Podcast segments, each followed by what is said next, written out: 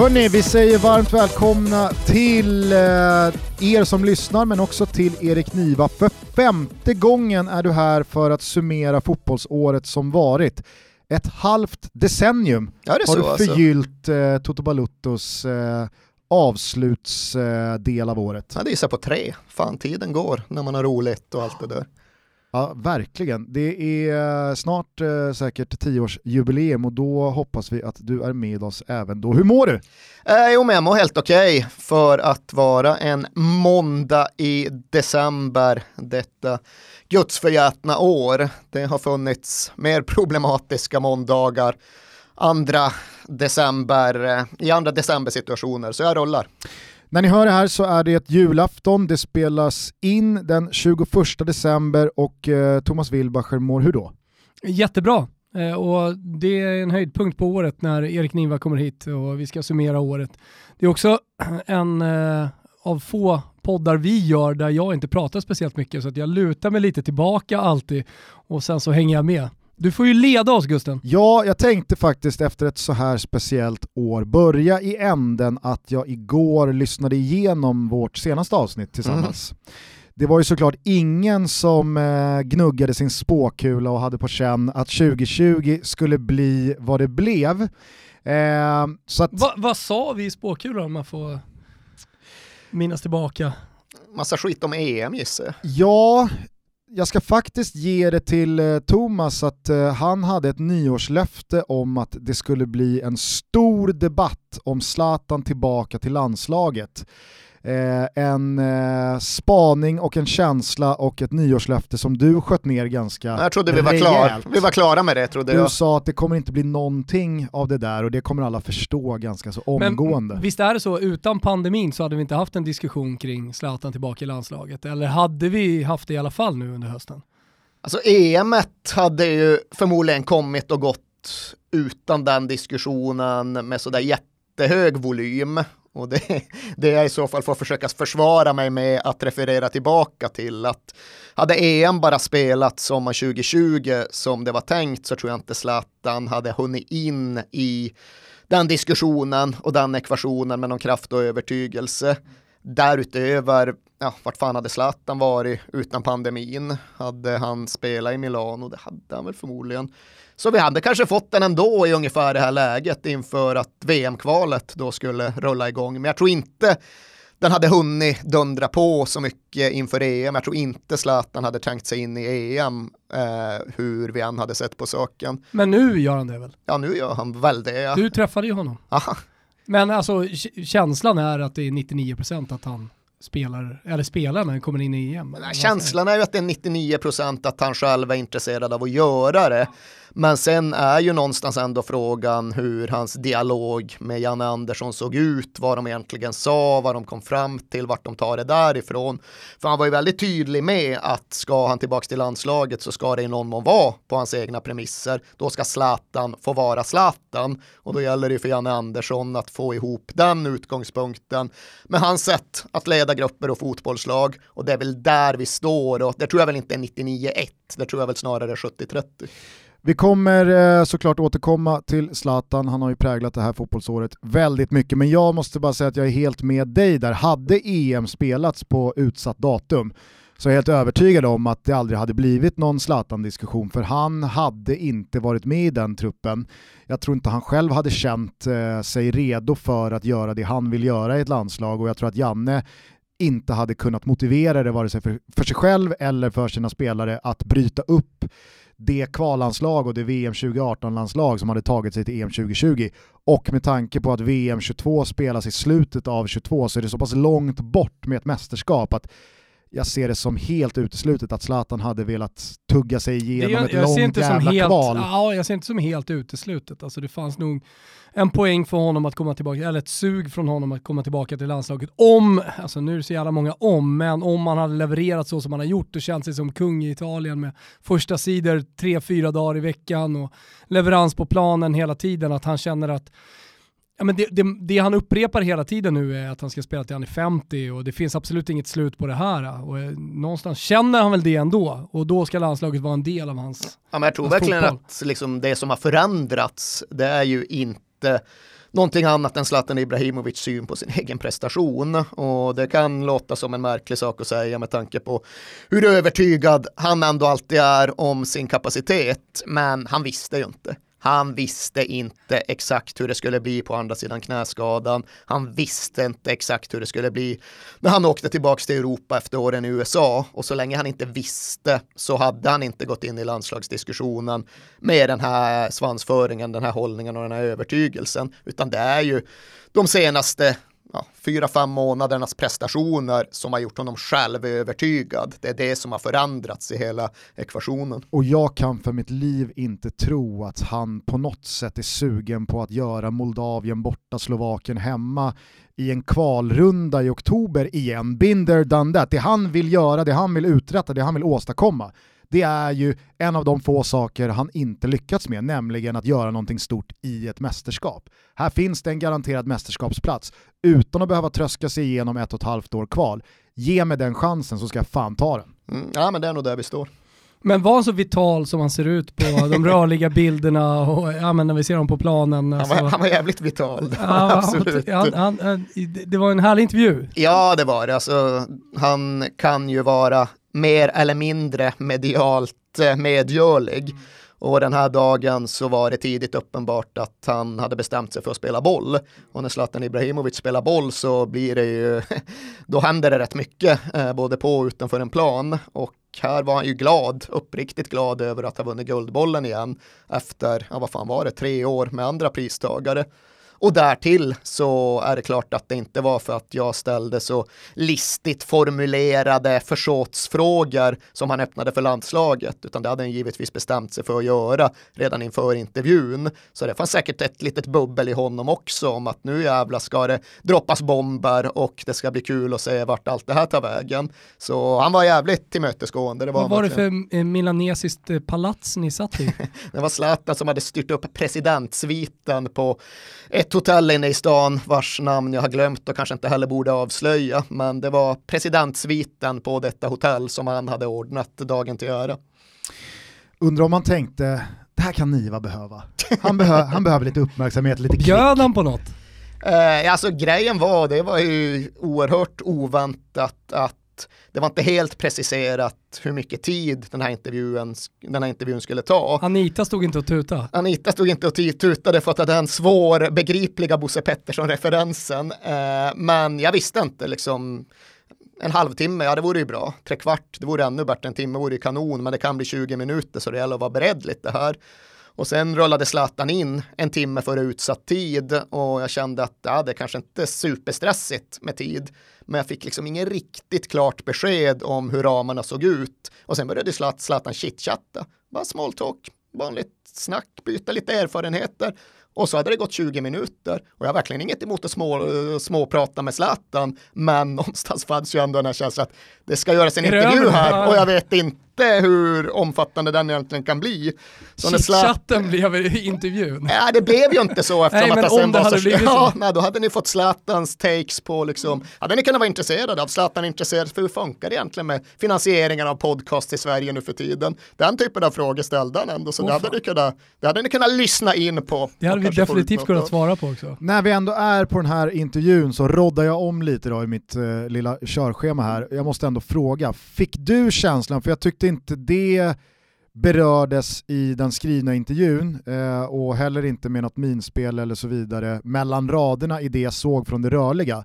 Men just skadan som är skedd gentemot Janne, upplever du att det finns en ursäkt för Janne att avkräva av Zlatan eller är det som att Zlatan inte upplever att Janne har rätt att vara sur på någonting? Jag tror att det finns en förklaring att utkräva eh, och den öppnade han någonstans även upp för. Och min ärliga bild är ju att när Zlatan har liksom hunnit eh, hunnit ta något år åt att fundera igenom vad det egentligen är han tycker och på vilka grunder han tycker det, så landar hans uppriktiga åsikt mycket mer i det här kring vart är svensk fotboll på väg? Vilken typ av spelare ska vi utbilda? Finns det plats för det annorlunda? Finns det plats för det udda? Eller ska vi bara vara en 4-4-2 nation som står i raka led och är strikt organiserad och kickar långt? än det handlar om att han på allvar upplever Jan Andersson som en person som fattar beslut på rasistiska grunder. Jag tror inte att det är det som är hans egentliga åsikt. Men förstår han distinktionen mellan sitt budskap och den större meningen i det och det han de facto har sagt om Janne. Här och hur det låter. Liksom. Här är inte jag i position att lägga ord i Zlatan Ibrahimovic mun för just den eh, semantiska och retoriska eh, distinktionen var väl ingenting vi stannade jättelänge vid. Men jag tror väl att han ja, men så som det ofta är, så som det ju blev extremt övertydligt att det var i frågan om Dejan Kulusevski och hans chock, så är det ju fråga om att vissa uttryck, vissa fraser man slänger sig med få en helt annan laddning i en kontext jämfört med en annan och att det där kan ha att göra med både vart man kommer ifrån och vilken generation man tillhör. Så det man kanske tolkar väldigt bokstavligt i Jan Anderssons generation kan ha en helt annan egentlig mening i en miljonprogramsgeneration som antingen Zlatan Ibrahimovic eller Dejan Kulusevski tillhör. Eh, och jag tror inte att de ska behöva fastna i den typen av semantik. Jag tror att det finns broar att bygga där Zlatan någonstans förklarar att det han egentligen, tror jag känner viss oro för eller upprördhet kring, är det här med att svensk fotboll kan ibland uppfattas som ganska stagnerande, att det händer inte så mycket med sättet vårt landslag spelar och uppträder på och att det kanske är det snarare än den rena rasismen som eh, han har utgått ifrån. Men jag är ju på tunn is här, jag är i en situation där jag nästan lägger ord i munnen på Zlatan och tolkningar i huvudet på Janne och det ska jag nog akta mig jäkligt noga för. Jag eh, tycker i alla fall att eh, det, det han pratar om i, i, en större kontext och hans eh, liksom, ja, men syfte med det han säger är jävligt bra. Samtidigt så tycker jag att det landar också lite fel sett till hur landslaget har spelat sin fotboll, utvecklat sin fotboll och faktiskt förflyttat sina positioner senaste två åren. Ja, kolla inte minst på den här Nations League-hösten. Och Exakt. Det är ju verkligen på gott och ont, men det är svårt att titta på de matcherna och anklaga Janne Andersson och Peter Wettergrens lag för att bara spela precis på samma sätt med samma typer av spelare som de alltid har gjort, som svenskt landslag har gjort ända sedan liksom Svennis, Bob Houghton och Roy Hodgsons tid, för så har det inte varit. Nej, det stämmer ju inte. Nej. Det är direkt felaktigt. Eh, men jag vet att jag har pratat lite om det i Toto här under hösten. Jag har pratat med några betydande spelare i landslaget. Jag har de senaste veckorna eh, jobbat en hel del med Astrid Ajdarevic som har haft Jan Andersson som tränare i Norrköping också. Där är det ju ganska tydligt att det är spelare som känner Jan, Jan Andersson som en tränare som att du kan inte säga sådär till Jan Andersson och han ska bara liksom, ja, ja men han menade säkert, eh, han menade säkert något annat och det där reder vi. Det, det, måste, det finns en ursäkt här eh, att eh, utkräva och den tror jag Janne vill ha. Samtidigt så eh, tror jag att eh, det är skillnad om det är Zlatan som säger det till hela svenska folket. Eh, att, det, att hela situationen, att Janne också kanske inser att så här, ska vi lösa det här alltså, måste jag kanske också ge med mig mot hur, hur jag brukar agera i sådana här situationer. Eller om någon säger, anklaga mig för någonting. Men det är klart att det behöver adresseras. Det är ju inte så att Zlatan och Janne Andersson kan sitta och ha sitt samtal utan att beröra de här grejerna. Och det är inte så att Zlatan Ibrahimovic kan sätta sig på sin första presskonferens tillbaka i blågul overall och tro att de här frågorna, är de viftar Kakembo bort, så kommer det inte vara. Så det är klart att här måste de ju gemensamt titta fram till en kommunikation kommunikativ linje som de faktiskt båda kan hålla fast vid och som fungerar och som är rimlig och logisk och som, är liksom, som funkar för båda. Och det är ju den vägen de måste hitta fram till. Och jag tror inte att det ska behöva vara omöjligt. Jag tror inte att det ska behöva finnas en total låsning vid att Janne envis, principfast och stolt som han må vara, står och kräver liksom en exakt formulerad ursäkt på vissa grunder.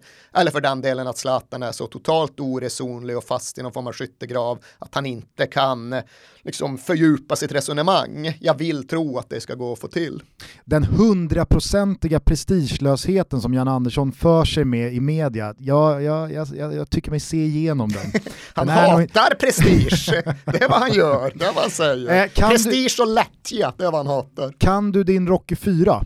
Uh, filmen eller seriealbumet? Filmen. Ja, jag kan, är det Drago-filmen? Precis. Ja, väldigt uh, grundligt. Rocky har bestämt sig för att ta matchen efter att Apollo Creed har blivit ihjälslagen av Ivan Drago och Adrian, hans fru, kan till slut inte hålla sig utan hon skriker bara rakt ut “You can't win!”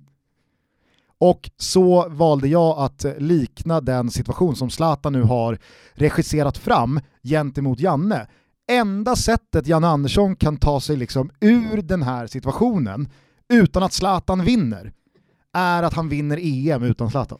Oh, nej, alltså jag... Kan du känna efter den här intervjun med Zlatan att det här har nog inte bara slumpat sig så här. Fan vad det är strategiskt genomtänkt, varenda ord han säger här och hur allting har liksom fallit efter varandra i vad som nu väntar att Zlatan har satt sig i en sån jävla Problem, bra position problemet, för sig själv. Jo jag vet, men problemet med det, hur långt går det tillbaka? Går det tillbaka till intervjun med Expressen när han pratade om... Nej, exakt, jag, jag vet inte. Ja, men, men eh, det var ju som vi inledde eller pratet här kring Zlatan, att då visste inte Zlatan att han skulle kunna spela fotboll på den här nivån fortfarande och vara aktuell för landslaget. För om han kommer in, någonting man vet med Zlatan så är det att han vill göra skillnad, han vill känna sig på toppen om han kommer in i ett lag.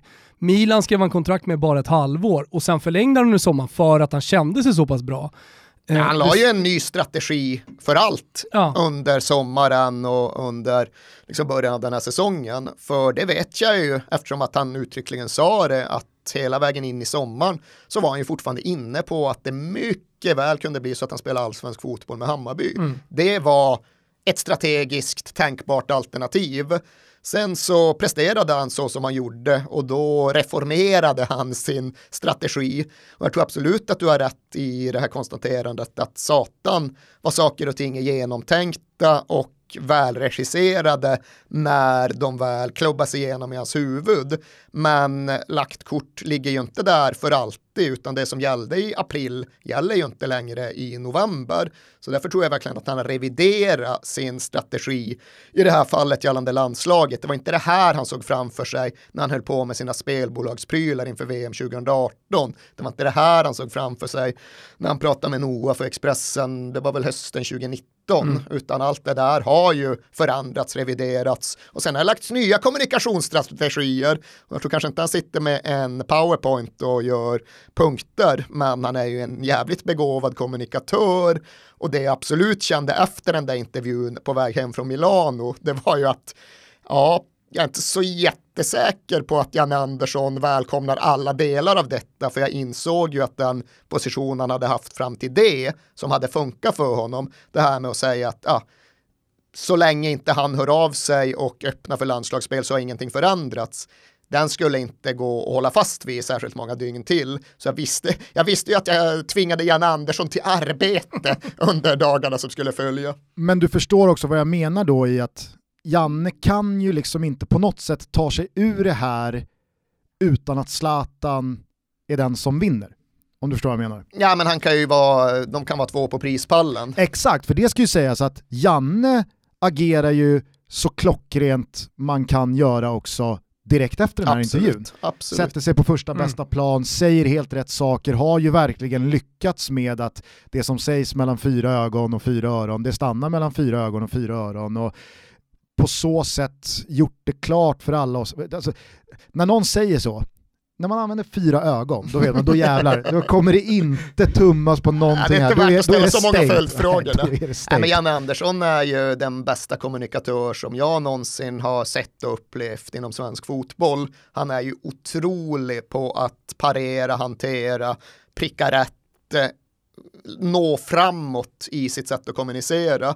Och det är ju en av de viktigaste sakerna som en förbundskapten faktiskt kan bidra med och där är han överlägsen. Och det liksom kan tyckas trivialt men det kommer verkligen vara en del av hans eftermäle, inte minst för att det hjälper till att formulera hans eftermäle. Det är svårare att bli sur på honom, det är svårare att bli trött på honom, det är svårare att få den här ny röst i omklädningsrummet känslan just eftersom att han är så jävla bra på att kommunicera i stort sett alla lägen över tid oavsett situation och himlarna ska veta att han har haft en del kommunikativa utmaningar som jag tror att vissa andra tidigare förbundskaptener hade trampat väldigt mycket mer fel i. Vem tänker du på då? Alltså grejen är att jag tänker faktiskt på flera. Eh, jo, även... men det finns ju bara en man verkligen suttit och skruvat på sig med en klump i magen. Alltså, nej, nej. Jag förstår. E Erik pratar om ett kommunikationsgeni här, alltså kontrasten att gå då från eh, Erik Hamrén till det. Ja, du nämnde det namnet och det är klart att det är den tydligaste kontrasten, men hur mycket jag än uppskattar Lasse Lagerbäck, hur mycket jag ser att han är på vissa sätt väldigt bra i sin kommunikation. Han spelar ju enkelt i egentligen alla lägen. Så går han ju uppriktigt sagt inte att jämföra vad gäller den delen. Men Lasse Lagerbäck, bra, helt okej. Okay. Janne Andersson, outstanding, mm. världsklass. Jag tror aldrig jag känt mer för Erik Hamrén än under presskonferensen inför träningsmatchen mot Iran. När han fick massa frågor om regimen i Iran och hur fan man ställer sig bakom det och att spela en match mot dem. Helvete Hemmaplan, va? vad de ögonen flackade. Sean, ta, ta, ta, mig, Erik. ta mig härifrån det var väl bara typ något halvår eh, efter att han hade tagit ja, ut Alexander Gerndt och fått frågor om hur man eh, motiverar att ta ut en spelare som har dömts för det Alexander Gerndt har dömts för i ett landslag och man känner, alltså, nej, nu, nu, nu vill Erik bara skjuta ut stolen där. Han vill ju bara spela fotboll. Om det inte var då min gamla kollega och goda kamrat Niklas Bodell var presschef och ja, om det nu var så så får nog jag och Niklas Bodell ta en sittning om hur det där mm. arbetet med att preppa Erik Hamrén egentligen gick till och fungerade. Mm. Jag kallade i alla fall den här situationen som nu eh, står eh, på vid gavel mellan Zlatan och Janne för den mest intressanta och delikata följetongen vi haft i svensk landslagsfotboll, kanske under min livstid. Håller du med eller är det för stora ord?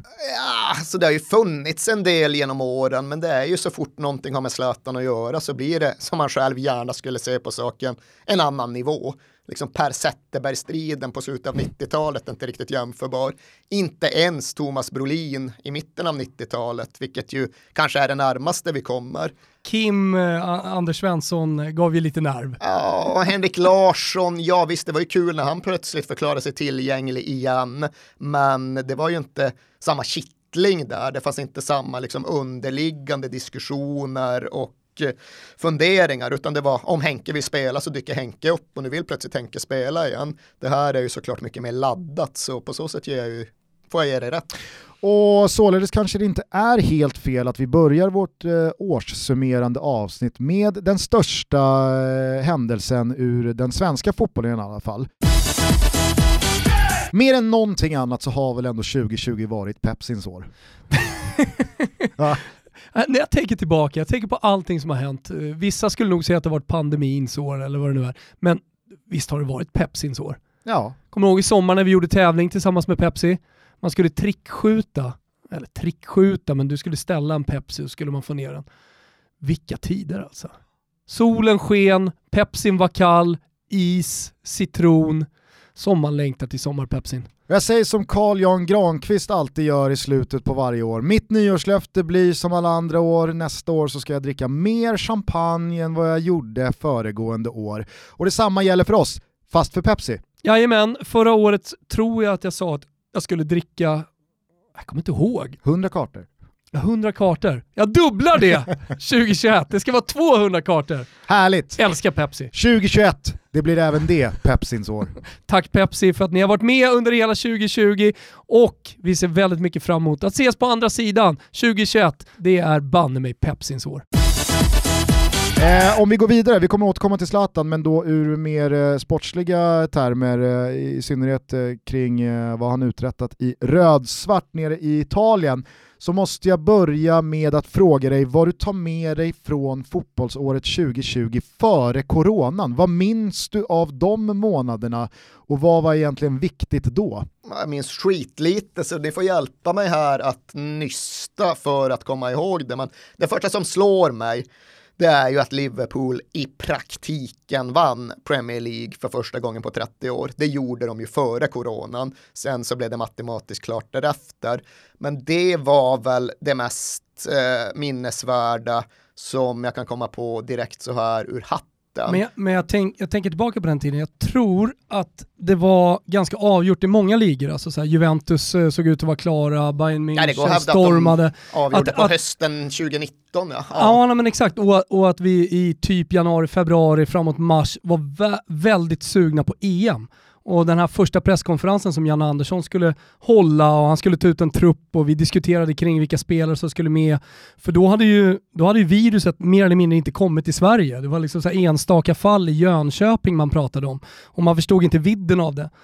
Att, eh, att det totalt sett fanns ett jävla sug efter den här presskonferensen, truppen han skulle ta ut och EM för att klubblagssäsongen var ju mer eller mindre slut i, i topp 5-ligorna. Ja, så... Ska väl ändå skjutas in där att Lazio gick någon slags eh, Jag vet, men vi som inte trodde på Lazio. till mötes och det tornade upp sig till en rejäl titelstrid i Italien för första gången på jo, ett par men det, år. det är klart att det fanns, ja, det, det, det, fanns en kamp mellan Juventus och Lazio, det fanns väl någonting i La Liga också, men eh, det jag försöker säga är att det fanns ett sug efter EM, sug efter ett mästerskap och då hade man ju dessutom eh, med sig eh, VM 2018, att vi hade gått till kvartsfinal. Och, nej men, det, så upplevde jag situationen innan. Alexander Isak gjorde det jättebra under februari i eh, Real Sociedad, avgjorde derbyt med Bilbao och allt det där. Alltså det, det, det fanns ett EM-sug. Mm det hann väl inte hända så mycket för det är ju absolut så att Liverpool till exempel och flera av de andra bjässarna ute i Europa hade ju mer eller mindre avgjort sina ligor redan innan 2019 var slut. Så den fotboll som spelades under de första tio veckorna 2020 så är det väldigt lite jag kan komma ihåg. Man minns ju tydligt, även här, faktiskt Liverpool, man minns den sista matchen som spelades innan allt stängdes ner och det var ju Liverpool Atletico Madrid i Champions League. Sen det var publik, det var väl dagen efter som Erdogan plötsligt piskade in 20 000 på Bashak Shahirs match, men annars var det ju tydligt sådär att Liverpool Atletico Madrid blev den sista matchen eh, som spelades på de gamla premisserna den gamla fotbollens kanske sista match på, jag vågar inte säga hur länge. Och det var väl mer eller mindre tydligt redan när den spelades. Så det minns jag, den där känslan av att faktiskt stänga dörren efter sig när den matchen var slut. Och jag jobbade och sände den matchen, så när man gick därifrån den kvällen så var det absolut den där känslan om att fan vet vad som händer nu. Mm. Det var väl också i samma veva som eh, PSG slog ut Dortmund inför tomma läktare på Parc des Princes. Men alla, alla, alla, stod samlade utanför arenan istället och det var liksom så här, jaha, det var ju eh, helt, eh, det blev ju en jävla katastrof av det där. Men jag håller med dig, det, det, det är liksom, utöver Alexander Isaks någonstans nästa kliv i karriären i början av 2020 så är det en ganska suddig fotbollsverklighet att blicka tillbaka på. Men det, det, det blir väl också så när det som sen skedde, skedde. Sen är ju också januari, februari mer eller mindre alltid de mest lågintensiva fotbollsmånaderna utifrån någon form av totalkontext. Allsvenskan ligger nere, landslagen ligger nere, Europacuperna ligger nere. Det är bara liksom ligorna som tuggar igång och hälften av dem har dessutom vinteruppehåll mer eller mindre halva januari. Så det hinner inte hända så det är extremt mycket ens ett bra år. Och den här, det här året så bleknade allt det lilla som man hända verkligen bort. Slog mig nu, en sak som jag minns från den tiden var att man pratade väldigt mycket om Hammarby som eh, SM-guldaspiranter. Sannerligen. Det, ja, det gjorde man verkligen. Och att Zlatan då var tillbaka i Europa och vad skulle det bli med det? Det, det, det, det minns jag ändå starkt. Sen kom ju då coronan och ett eh, 110, 111, 112 dagar eh, långt uppehåll utan någon slags fotboll. Det var väl någon match som spelades i Vitryssland va? Ja, de körde de, på. De tuggade på. Men det var ju total eh, lockdown vad gäller eh, sport i eh, synnerhet, eh, eller sport i allmänhet och fotboll i synnerhet. Vad gjorde den tiden med, med dig? Vad, vad lärde du dig? För att det här var ju någonting som du och Thomas och jag och alla andra upplevde för första gången, alltså ett över tre månader långt break under en vår utan någon som helst Folk säger att vår podcast aldrig har varit bättre under den perioden.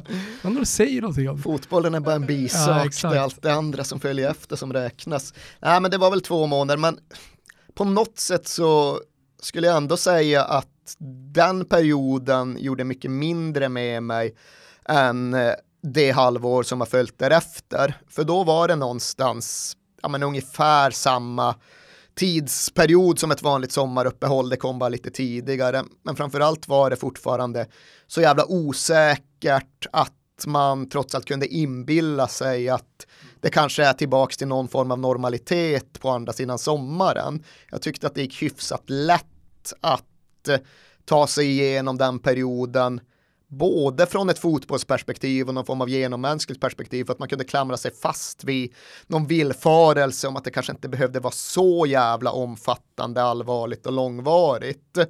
Nu tycker jag hösten på många sätt har varit svårare och det har på något sätt varit svårare att förhålla sig till den fotboll som har spelats än den fotboll som inte spelades. För så länge det inte spelades någon fotboll alls, ja, ja, men det var så.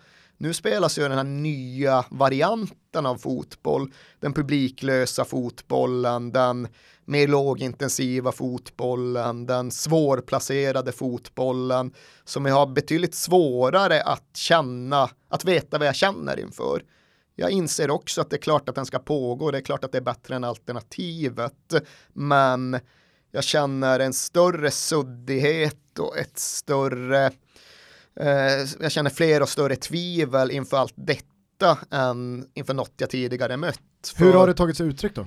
ja, men, jag tvivlar, vad är det värt liksom? Och jag vet vad det är värt så tillvida att det behöver spelas de här matcherna för att det ska finnas någonting kvar när nu normaliteten återvänder. Men när fan blir det? Och hur ser den i så fall ut? Och blir det samma normalitet som vi en gång kom ifrån? Jag känner ju en väldigt konkret oro och faktiskt liksom direkt rädsla inför att fotbollen aldrig kommer bli sig lik igen. Liksom, ja, vaccinet, vi hoppas såklart på det, men vi är fan inte epidemiologiskt kompetenta att bedöma det. Och hur vi nu än ser på saken så har jag ju svårt att mentalt se scenariot där det plötsligt står 24 000 på en och samma ståplats i Dortmund igen på jag vet inte hur lång tidshorisonten den är. Att vi kan dra in 15 000 på Westfalenstadion, inga problem. Det kommer vi kunna göra och det kommer vi säkert kunna göra det närmsta halvåret. Men vad är det värt? För mig är ju inte grejen att det spelas professionell fotboll med viss kvalitet och att några får gå och kolla på. För mig har ju grejen alltid varit gemenskapen, sammanhanget, den lokala, den kulturella relevansen. Och allt det har ju spolats bort nu.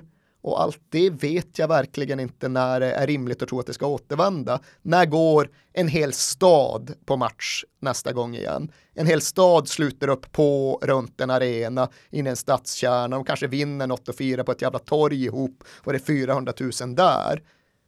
Kommer det tillbaka? När gör det i så fall det? Och ifall det inte gör det, vad är den här alternativfotbollen värd över tid?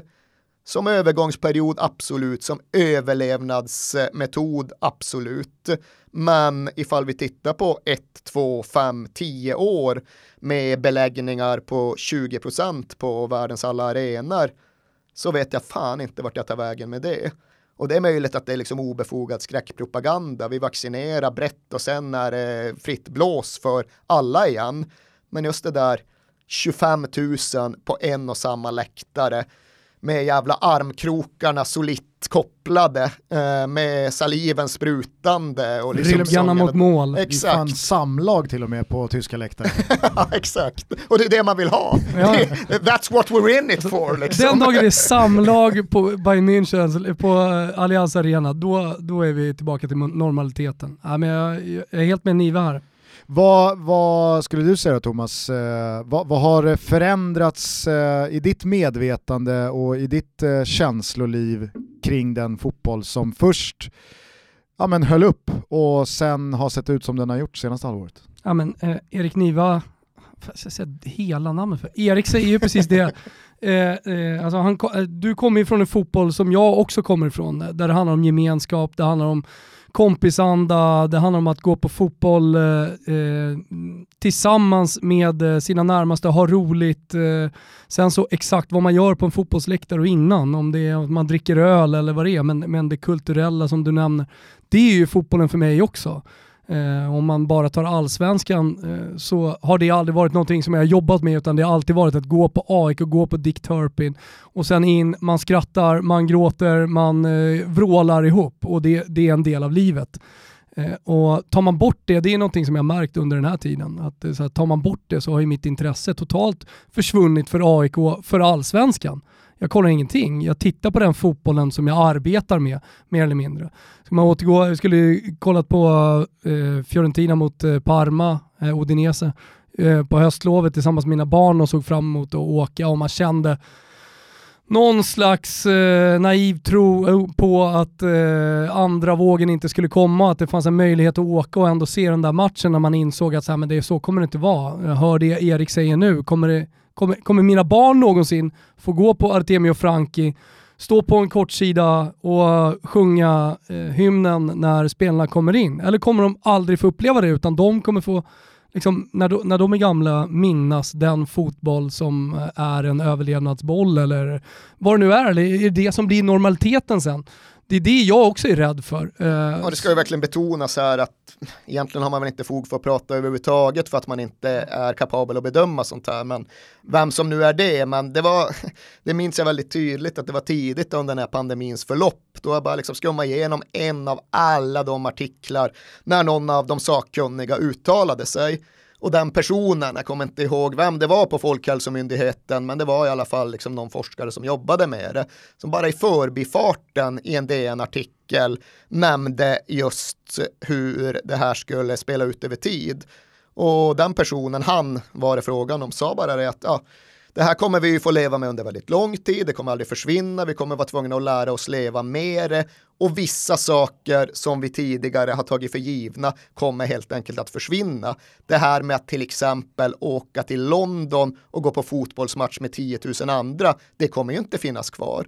Och när jag läste det, bara Mm, ursäkta? Alltså, ja men verkligen. Och sen så gick det ett halvår och man liksom försökte förtränga det där och tänkte även någon som bara sveper iväg med någon formulering som han inte riktigt har täckning för. Men jag har inte kunnat skaka av mig den. Att det liksom någonstans inne i de forskarskråna där i och för sig fotboll som kulturell företeelse inte värderas, men där det ändå liksom där mer eller mindre med en axelryckning togs som en självklarhet att den typen av folksamlingar hör ju dåtiden till. Det har liksom funnits med mig i nacken under den här perioden på ett jävligt obehagligt sätt och den sitter någonstans där fortfarande.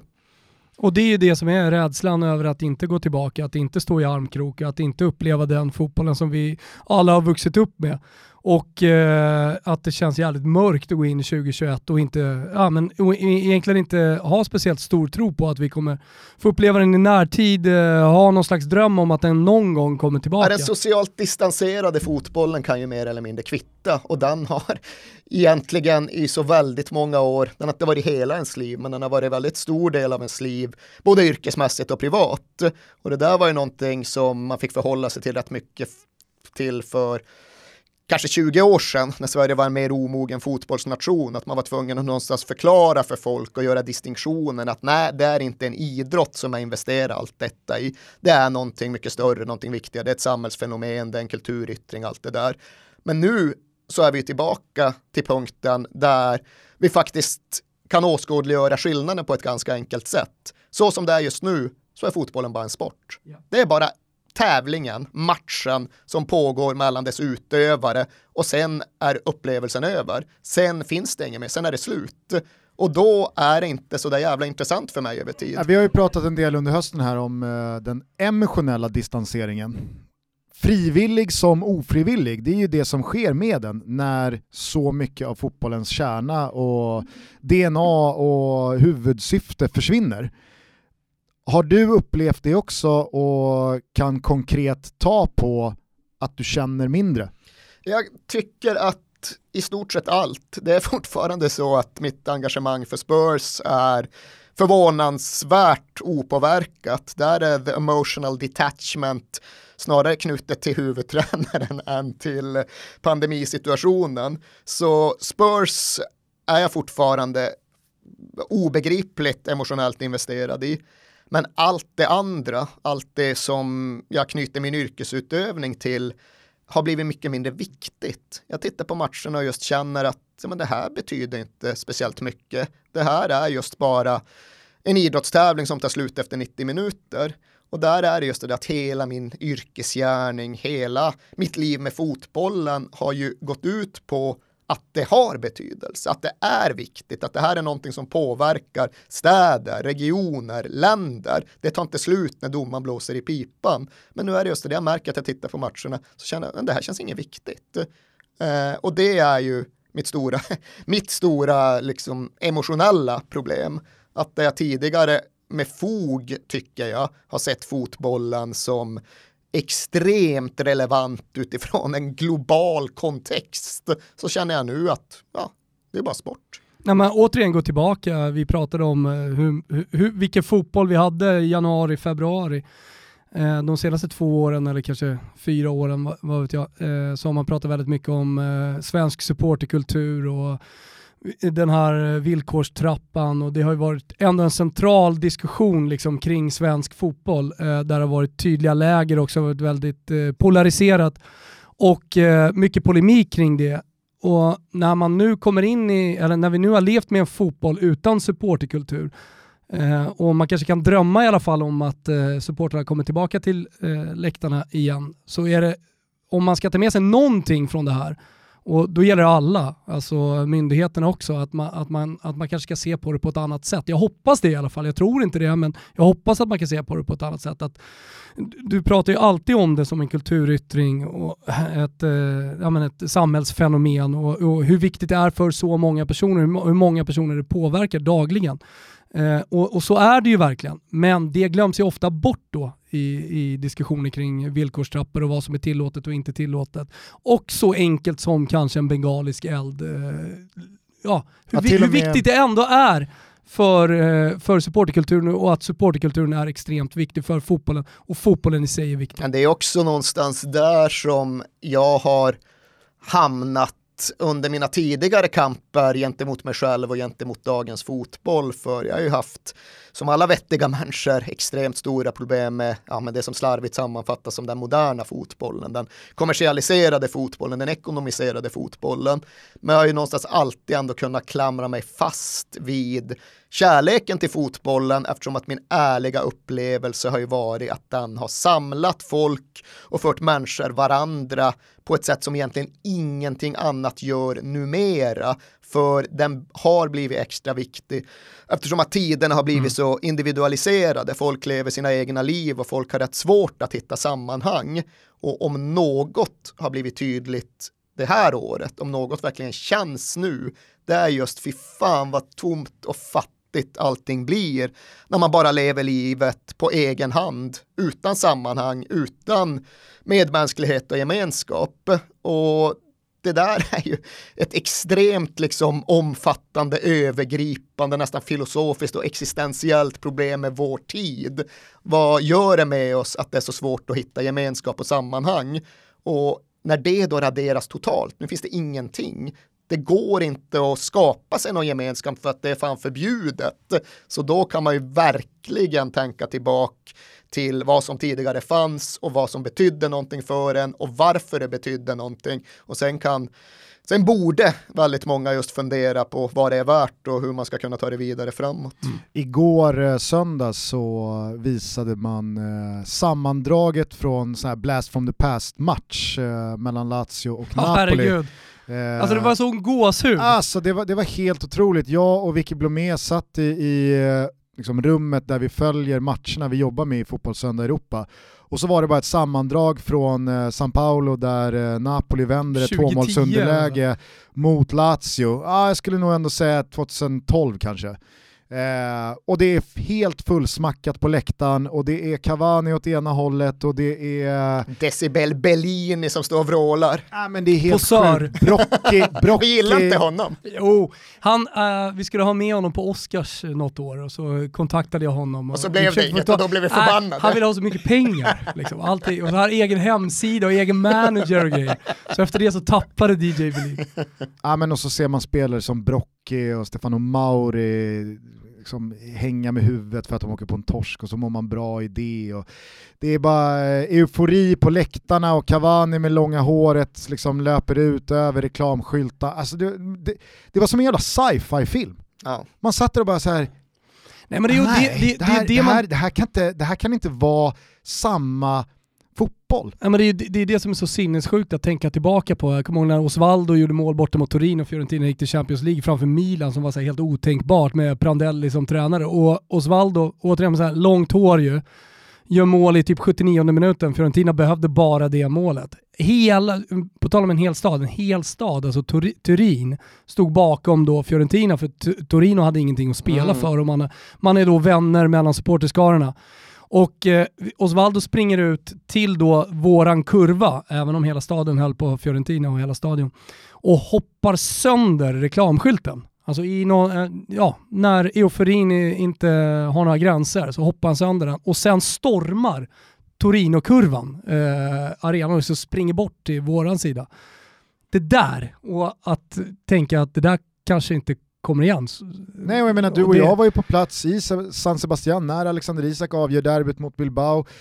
I avsnittet som jag lyssnade på igår och så pratade ju du eh, om eh, hur det var i Amsterdam när Lukas Mora gör eh, 3-2. Alltså så här, det är bara ett knappt år sedan, ett och ett halvt år sedan.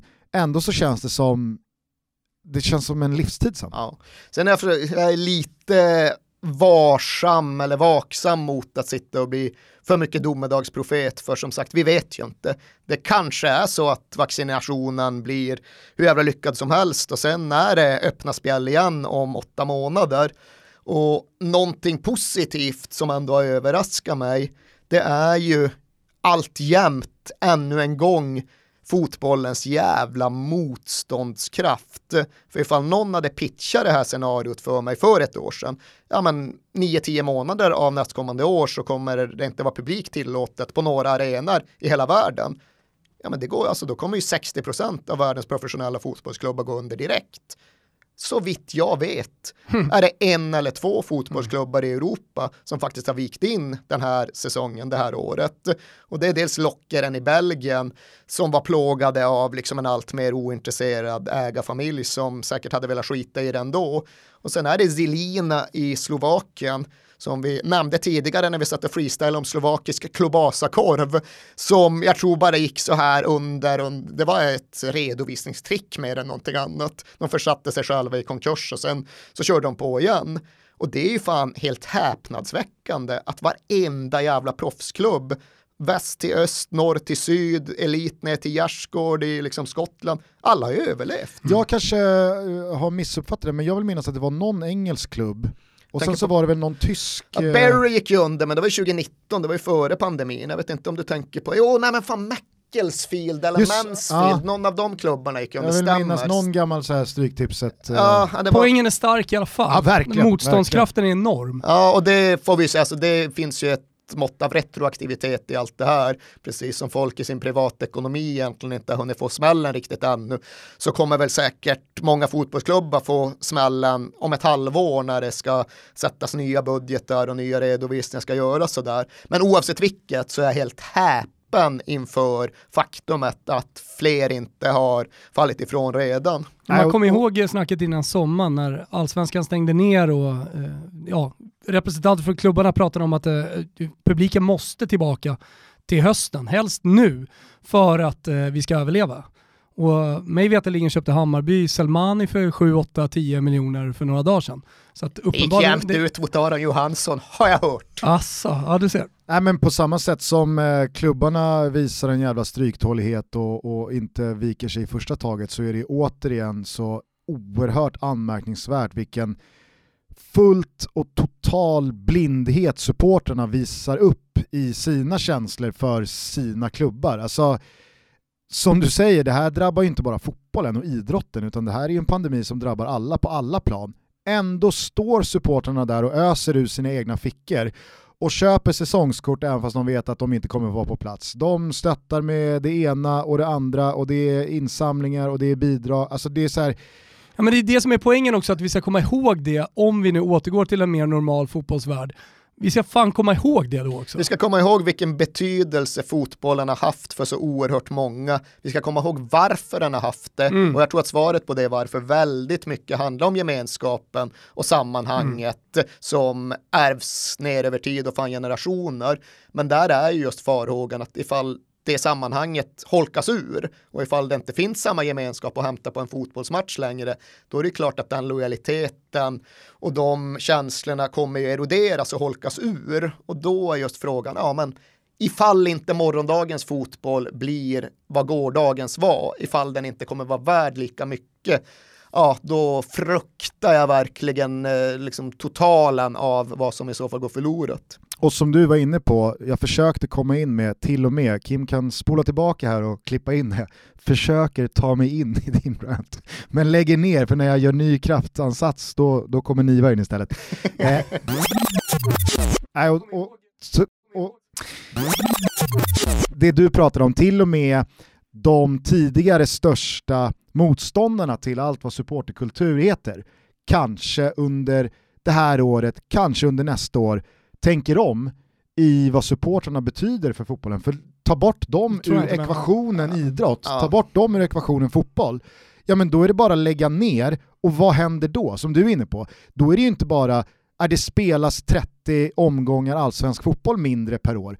Vad händer med samhället? Vad händer med alla de här människorna? Vad händer med kulturen? Vad händer med, alltså, Men där är det ju fortfarande en jävla skillnad och det är ju en förbannelse som vi alla måste slåss emot. Att här märks det ju att Sverige alltjämt är ett ganska underutvecklat och på ett sätt färskt fotbollsland. Inte färskt så tillvida att vi inte var bra på 1940-talet och på 1950-talet och till och med på 1920-talet. Men just att det här kulturella inte har funnits så där jättelänge utan det är ju något som egentligen får fart på 1990-talet. Och det innebär att det fortfarande inte har satt sig i ganska stora skikt av samhället. Och det har ju blivit jävligt tydligt när vi har haft att göra med ja, men dels då folkhälsomyndigheter men även politiskt tillsatta organ och företrädare att den samhälleliga förståelsen är ju fortfarande låg. Den, samhälls, den samhälleliga förståelsen, den politiska förståelsen innebär ju alltjämt att många som borde veta bättre tror att det här handlar om en sport. Och så länge de kan blåsa igång matcherna och de kan genomföra allsvenskan, vad finns det då att klaga på? Lite ekonomiska eh, hjälpmedel så är allt frid och fröjd. Och begriper inte just det kulturella, det gemensamhetsskapande, det som fotbollen ger, som ingenting annat i Sverige längre ger. Det är skönt att slippa allt stök och bök. Ja, det också. Men just att det fan förenings-Sverige finns knappt längre och du hittar hittar inte liksom en kör i varje stad med samma genomslag. Du hittar liksom ingenting som förenar och som ger folk en mötesplats som dessutom inte är socialt segregerad som fotboll. Den förståelsen, ja, den hade gjort mig nedslagen att eh, att vårt samhälle inte har klarat av att ha med den i bedömningen av fotbollsföreteelsen det här året, för det tycker jag saknas. Och det är en skillnad mot mer utvecklade fotbollsnationer. Det är en skillnad mot hur det resoneras mm. i Tyskland, i Storbritannien, ta med fan till och med i Slovakien, att där förstår man det på ett sätt som Sverige samhälleligt fortfarande inte gör. Jag tror Rönninge vann VM i någon slags kör i New Orleans tidigare i år. Grattis! Jag tänkte på Kör-Sverige. Rönningen så säger... Fan kören är stark i Rönningen. Och jävlar vad min misstanke är att den kören kanske inte är Rönninges tydligaste exempel på mångfald. Nej, Nej. Det, där är jag helt med dig. det har du helt rätt i. Vi är sponsrade av våra vänner på Betsson. Vi satte Tutto-trippen under fjärde advent så det bara sjöng om det och på lördag så är det Boxing Day. Mm. Således så blir det en hel engelsk Tutto-trippel som ni kommer hitta via våra och Betssons sociala mediekanaler. Så att eh, håll jacken öppna där. Håll jacken öppna. Lycka till i jultutto och resultattipset.se ni som är med. Precis, eh, det är en eh, poängtävling vi kör här nu över de nästkommande tre engelska Premier League-omgångarna. Det är alltså inte en knockout-tävling utan nu gäller det att lägga så många poäng man bara kan på hög över tre fulla omgångar. Gå in på resultattipset, regga ditt konto Gratis. och joina ligan. Jajamän, joina ligan. Jultoto heter vi, det är gratis. Det är fina priser i potten. Kom ihåg, ni som ska rygga våran Boxing Day-trippel, ni måste vara 18 år fyllda och har ni problem med spel, ja, men gå då in på stödlinjen.se. Eh, det om eh, coronadystopin tror jag bestämt. Eh, det lär säkert eh, prägla fortsättningen av episoden på ett eller annat sätt. Det är Men julafton Gusten. rent eh, körschemamässigt så måste vi vidare. Vi ska alldeles strax avsluta del 1, men innan vi gör det så har José Mourinho varit eh, huvudansvarig för Eriks kära Tottenham i lite drygt ett år nu. Oh, jag spiller sig kaffe. Tur att Thomas sa till mig att nu har jag mitt kaffe här. Akta så du inte spiller ut det, sen spiller du precis ut det själv. Det är, inte, det, det är inte sista gången eh, och det var inte första gången. Hur har året eh, med José Mourinho vid rodret varit? Två plus. ja, men så är det väl ifall vi ska göra den typen av sammanfattning. Eh, det har inte varit mitt favoritår med Spurs. Det har inte varit det sämsta året med Spurs på något sätt. Men det är fortfarande mer än vad kanske många andra känner för mig en, ett problem med den enorma kontrasten kring vad Tottenham var under Maurizio Pochettino då jag aldrig har uppskattat klubben och laget mer och vad vi är idag då jag känner att tja, det är väl ingen skillnad på oss jämfört med några andra. Det är inte så att det här laget är värt att tycka om mer än något annat lag i Premier League. Ett lag som vinner ibland och som förlorar ibland och som har en ny typ av modell och en ny typ av filosofi och eh, jag känner inte lika starkt för det, där är jag kvar. Du brukar ju dock eh, ofta predika att eh, i slutet av dagen så handlar det om att vinna. alltså det, det, är det, det, det är det det går ut på. Mitt budskap har nått fram känner jag. Och med José Mourinho så är det väl, eh, vad ska man säga, profilen på Tottenham som har basunerats ut. José Mourinho är där för att göra det Mauricio Pochettino och väldigt många andra har misslyckats med att göra. Vad innebär det då för Tottenham tror du? Vad alltså, innebär det för dig? Det finns ju två diskussioner i en fråga här. Dels finns den rent sportsliga diskussionen kring, okej, okay, sådana är premisserna, men vilka är egentligen möjligheterna att lyckas med det? Är de stora under José Mourinho med den här modellen? Och där är jag väldigt mycket att säga, för jag tror inte de är så där jävla stora. Och sen finns den andra diskussionen som jag tror du kanske egentligen är ute och far efter. Den som handlar om liksom fotbollsfilosofi, om klubbidentitet, om hur man förhåller sig till en tränare med en ny typ av hållning och för den delen en ny typ av mandat. Och vi kan ta dem var och en för sig om vi så vill, men oavsett om vi just reducerar det till bara det fotbollstekniska, bara möjligheten att citat vinna titlar, slutcitat, eller till den eh, filosofiska frågan kring vilken klubb Tottenham har varit och borde vara, så här svårt att sortera in José Mourinho på en bra plats i pusslet. Jag tycker det blir fel, alldeles oavsett om vi pratar om sportsliga förutsättningar eller om nedärvd klubbidentitet på väg mot en framtid. Jag upplever eh, att eh, en del Tottenham-supportrar, dels eh, några vänner, dels folk man följer på, på Twitter och dels stämningen rent generellt från Tottenham-håll gentemot José Mourinho är att det under det här året, kanske med någon slags peak här för någon månad sedan när man slog Manchester City och Mourinho pratade om att Pep kan gärna ta med sig bollen hem, jag, jag tar hand om poängen och man var serieledare. Och Arsenal hemma två veckor senare var piken. Ja men kanske det. att Mourinho, vare sig de velat det eller inte, har vuxit på dem och att man har vecka efter vecka brutits ned av hans, jag vill säga charm, men det är säkert många som säger emot att José Mourinho har någon slags charm i sig. Men du förstår vart jag vill komma. Jag förstår absolut vart att du vill så här, komma. Även den mest inbitna Pochettino-vurmaren och Tottenham-supporten av den klubb som Tottenham alltid varit kan till slut inte motstå att ställa sig lite närmre Mourinhos är, det, ringhörna. är det inte så att man måste, eh, att man som människa hela tiden går vidare och även om man drömmer tillbaka till det som var med till exempel eh, Pochettino. Du Eh, var jag, ju aldrig i Beppe Jackinis ringhörna. Nej, nej, men det är det jag menar. Alltså, jag, jag, jag om någon kan ju verkligen förstå Erik Niva här. Alltså, de åren som jag hade med Diego Della Valle, Cesare Prandelli, när vi satt i Eurotalk och, och pratade och jag hade lila jacka och älskade Prandelli över allt annat. De framgång, sportsligt framgångsrika åren, eh, passionen som fanns på läktarna nere i Italien då. Alltså, det kommer jag, jag inser att jag kommer aldrig få uppleva det igen. Alltså, och det, det har ju att göra med historien och alla klubbar har sin historia. Du pratar om Tot Tottenhams historia och, och eh, kulturellt vad klubben står för och vad klubben är för dig. Eh, så är det ju, det är ju samma sak med, med Fiorentina. Däremot så hade jag en annan historia, eller Fiorentina en annan historia jämfört med Tottenham. Jag hade en ägare som hade liksom lekt med pengar som inte fanns och vi blev neddegraderad och sen så kom en eh, ny president eh, och en ny tränare i, i Prandelli och styrde upp allting. Och vi tog oss hela vägen till en eh, åttondelsfinal och en eh, Ja, i, ja, Den i- största domarskandalen i största domarskandalen någonsin. Ja, men Nej det- men så, här, så och det, det är ett problem som jag har än idag, oavsett om det är Senisa Mihailovic som har kommit, om det har varit Beppe Jakin eller vem- det är, vilken tränare än som har kommit, så har det ju varit att jag blickar ju alltid tillbaka på Prandelli-tiden. Det var ju de finaste åren och jag vet att jag inte kommer ha de åren igen och det är jobbigt.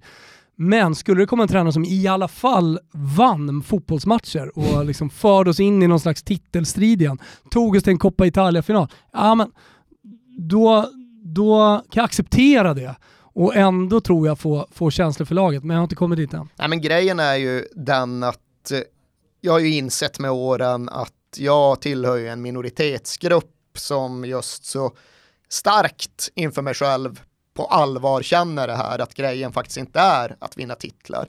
För mig är inte det det viktigaste, men där tillhör jag en minoritet. För inte fan vet jag, 75, 80, 85 procent av fotbollsanhängare, i synnerhet anhängare av en Premier League-klubb med lite resurser, så kommer det alltid vara det viktigaste att vinna, vinna, vinna och sen är resten skitsamma. För mig är inte resten skitsamma. För mig är det där med identitet och traditioner jätteviktigt. Men jag accepterar som sagt att här är inte jag den som tillhör eh, flertalet. Men alldeles oberoende av det så tror jag ju som sagt att det hann nästan sätta sig en bild av att med Mourinho och med Mourinhos sätt att spela så har Tottenham avancerat upp till en nivå där klubben och laget ligger närmare de stora titlarna än någonsin tidigare. Och det är ju helt enkelt inte sant. Ser man till hur Tottenham presterar under hela 2020, inte bara under den senaste veckan när poängen har varit få, så är det ju inte i närheten av lika slagkraftiga prestationer som det var under, säg tre år i rad med Pochettino. Pochettino kom tvåa i Premier League med tror jag det var 86 poäng, en poängskörd som man oftast vinner ligan på ifall inte Liverpool och Man City skenar. Pochettino kom till en Champions League-final, visserligen med snubbel och tur, men eh, ibland har man det och ibland har man inte det. Så okej okay, Mourinho, beat that liksom. Gör någonting som tar Spurs närmare de stora titlarna än 86 poäng i Premier League och en final i Champions League. Jag önskar givetvis att han lyckas. Jag vill att Spurs ska vinna varje match. Jag känner som satan med laget allt jämt, men jag får bara inte ihop ekvationen som helhet. Jag tycker i grunden inte att Spurs ska agera på det här sättet. Jag tycker det limmar dåligt med klubbidentiteten. Men okej, okay, det är jag. Jag håller upp mina händer och inser att det inte är så jävla viktigt för det stora flertalet. Men oavsett vilket, tror folk på allvar att det här spelsättet, de här prestationerna kommer ta Spurs närmare Premier League eller Champions League än vad Pochettino lyckades med? Jag kan överhuvudtaget inte se det. Och Mourinho, vinnarcoachen som alltid tar titlar. Ja, nu har vi Stoke borta i en ligacupkvart. Det borde vi väl kunna försvara oss förbi, det tycker till och med jag. Då har vi en ligacup-semi. Ja, vi kanske vinner ligacupen i mars.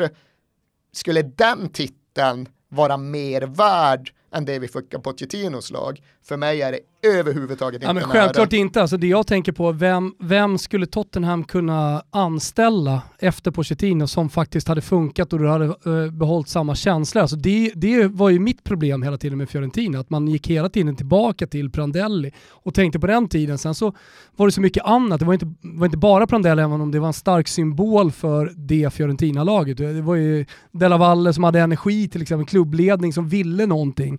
Uh, som var lite David mot Goliat och gick upp och slogs mot de, liksom, de, de stora, stygga, randiga från norra Italien.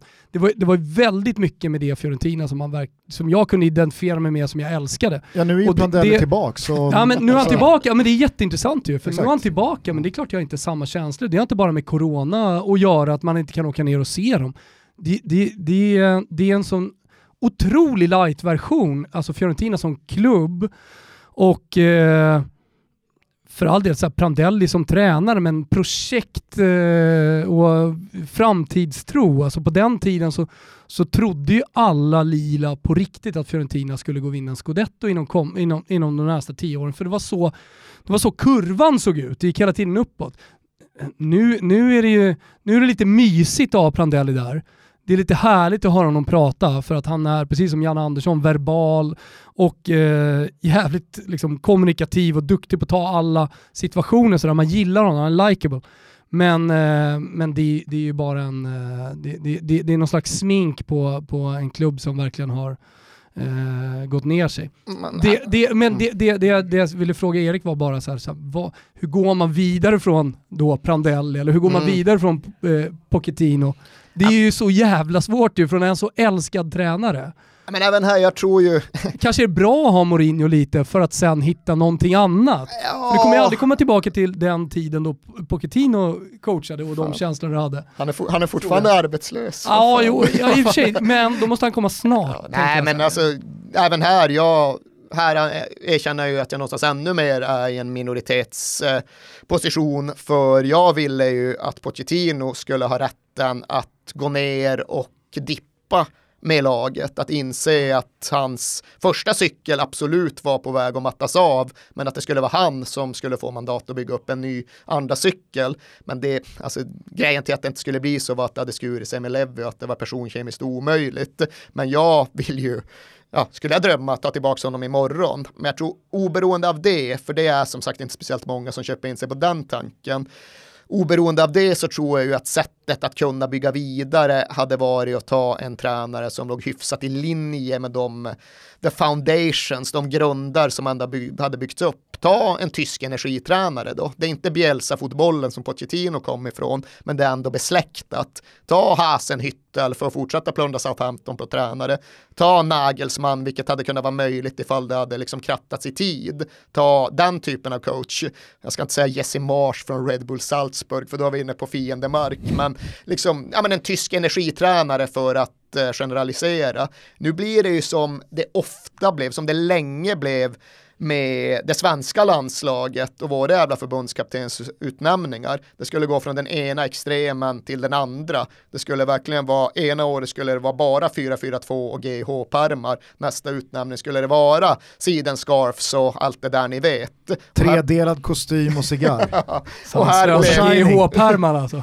och här blev det ju, Hamrén gick ju för sig också på GH, men eh, här blev det ju precis den typen av pendel från den ena extremen till den andra och det tror jag väl sällan är särskilt lyckat för då är det så många spelare i den befintliga truppen som egentligen är rekryterade på helt andra premisser och nu är den här liksom stå så jävla lågt och ställa om fotbollen funkar kanon för Son, funkar okej för Kane men det är väldigt många andra spelare i truppen som jag inte tycker det funkar alls för en Dombele och Celso, de spelarna rekryterades av Pochettino för något helt annat och jag tycker inte vi får ut särskilt mycket alls av någon av Fan dem. jag bara känner för Max Allegri hela tiden. Vi pratar om Nagelsmann och tyska energitränare och allt möjligt. Där sitter han arbetslös och spelar kort Och nere i hamnen i. Livorno och pluggar engelska. Inge, ingen som ringer från England. Spurs hade ju varit, det, det hade faktiskt varit jättebra liksom, steg in i framtiden för Spurs. Det hade varit bra för, det hade varit bra för Max Allegri att komma dit.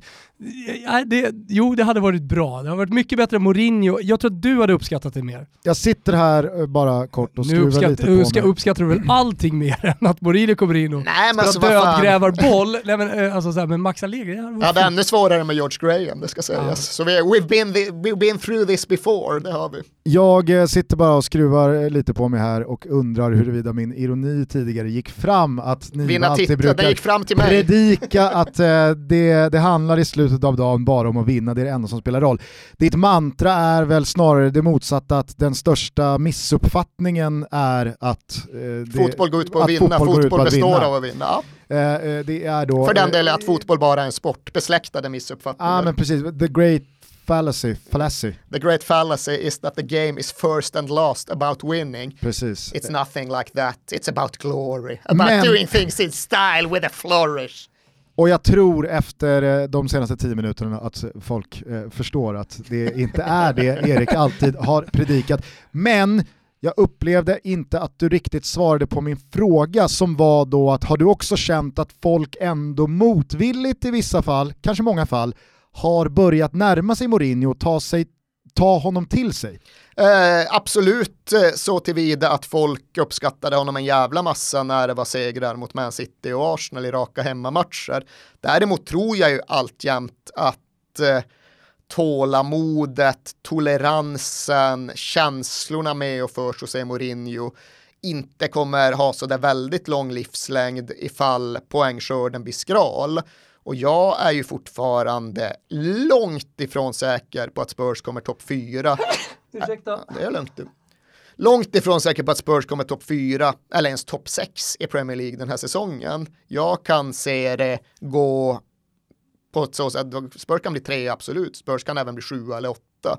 Spurs kan vinna ligacupen eller Europa League, men jag tror det är klart mer sannolikt att Spurs inte gör det. Och Men- de där känslorna som har hunnit byggas upp, ja visst, han är mycket mer omtyckt idag än för ett år sedan, men jag tror ändå att det är känslor till låns som egentligen bara förnyas så länge det faktiskt blir vinster mot Man City, Arsenal och en buckla i Europa League. Vi pratade om det i senaste Toto Balotto faktiskt, att Mourinho kan nog fan hitta en genväg här, vinna Europa League, lösa Champions League-spel i och med det och sen kunna sätta sig på podiet och säga ni fick vad jag sa att ni skulle få. Ja, nej, och han kan vinna ligacupen och köra den retoriska hållningen också. Och visst, då har vi ett utvärderingsarbete att göra. eh, men ja, ja, ligacupen är väl the best bet just i och med att till och med jag tror att vi har en hyfsad chans mot Stoke. Och sen är vi rätt nära både Wembley och den bucklan. Men ja, vad fan är den värd i så fall? Vi vann ligacupen med George Graham. Eh, värdet jag sätter på den bucklan är ju mindre än värdet jag satte på vad fan kom Spurs sexa eller något första året med Pochettino bara för att då fanns det en to dare is to do-anda, då fanns det den där liksom erövrar-lusten, då fanns det en framåtrörelse som inte fanns under George Graham. Jag inser att vi kommer från väldigt lika liksom, förhållanden till våra klubbar och våra tränare när det har varit som bäst. Alltså Pochettino för Eriks del och Prandelli för min del. För det var precis det, to, to dare is to do och att gå upp mot de stora och vara den, den lite mindre provinsklubben som faktiskt tar den stora kampen. Jag har ju alltid haft jävligt svårt med Tottenhams självbild på många sätt för att den är uppumpad och den utgår från någon form av känsla av berättigande. Så Pochettino Spurs var på många sätt ett bättre Spurs än det vi själva har utgått ifrån. För där fick vi så mycket av ja, men just det som jag värdesätter och det jag kanske aldrig riktigt har hittat i Tottenham, vare sig förr eller nu. Eh, för Spurs är alltid liksom, handlar mycket om att vi ska köpa in den spektakulära dribblen och sen ska vi utgå därifrån. Men nu byggde ju Spurs eget och ungt och underifrån och sen gick laget upp mot de största med oddsen emot sig och överpresterade konsekvent ska José Mourinho ha någonting så är det ju att han har gnällt och tjatat till sig en riktigt bra trupp. Och det innebär ju att när jag ser Tottenham spela idag så känner jag verkligen inte att vi överpresterar.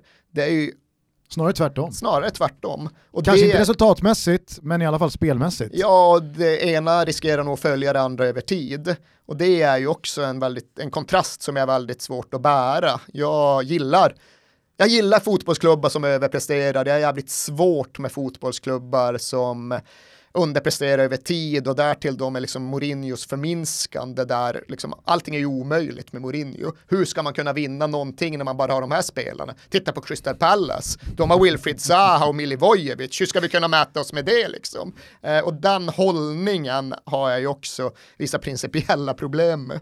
Vad kände du när han sa till Klopp att the best team lost?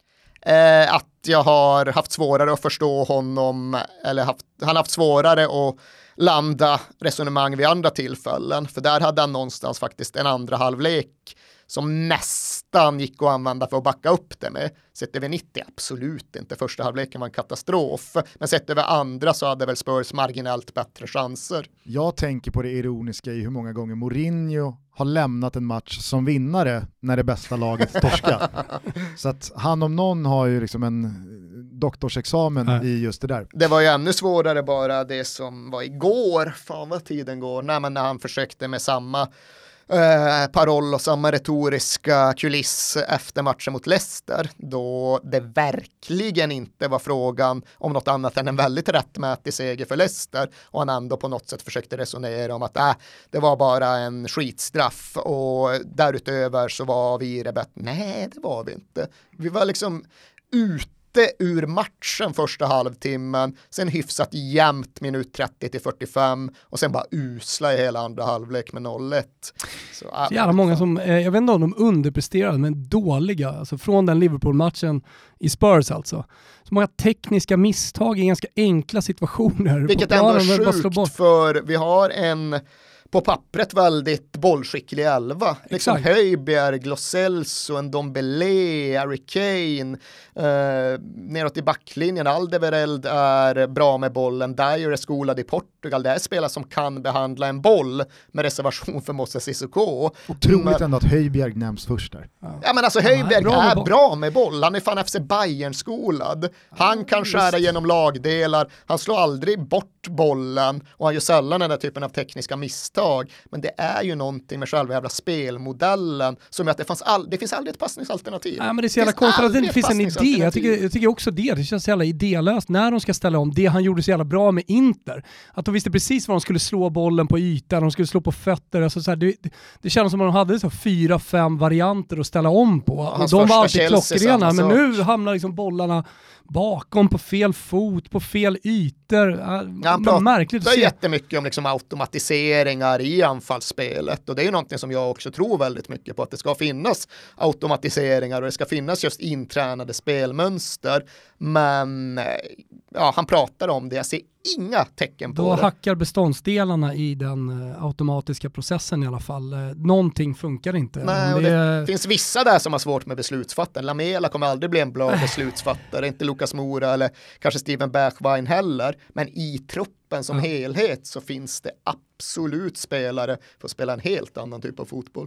Hörni, finns det något eh, bättre sätt att fira julen att lyssna till Erik Niva frustrerat prata om Tottenham? Jag tror inte det. Och domedagsprofetian. Ja, jävlar, inte glömma denna julafton. Tomtesäcken det här året innehöll mycket godsaker. Lättuggade godsaker.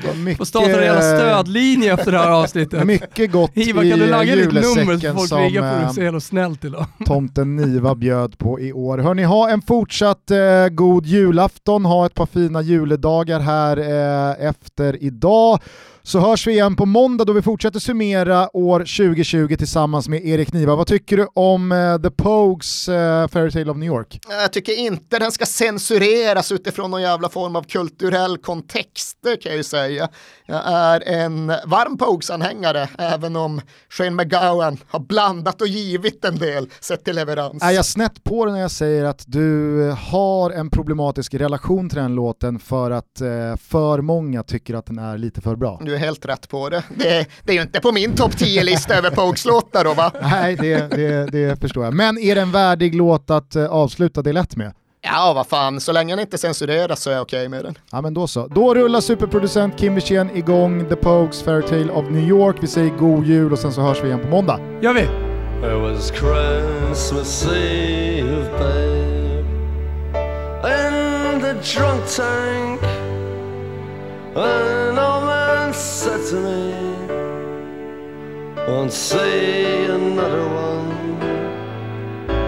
And then he sang a song. The rare old mountain dew. I turned my face away and dreamed about you. Got on a lucky one. Came in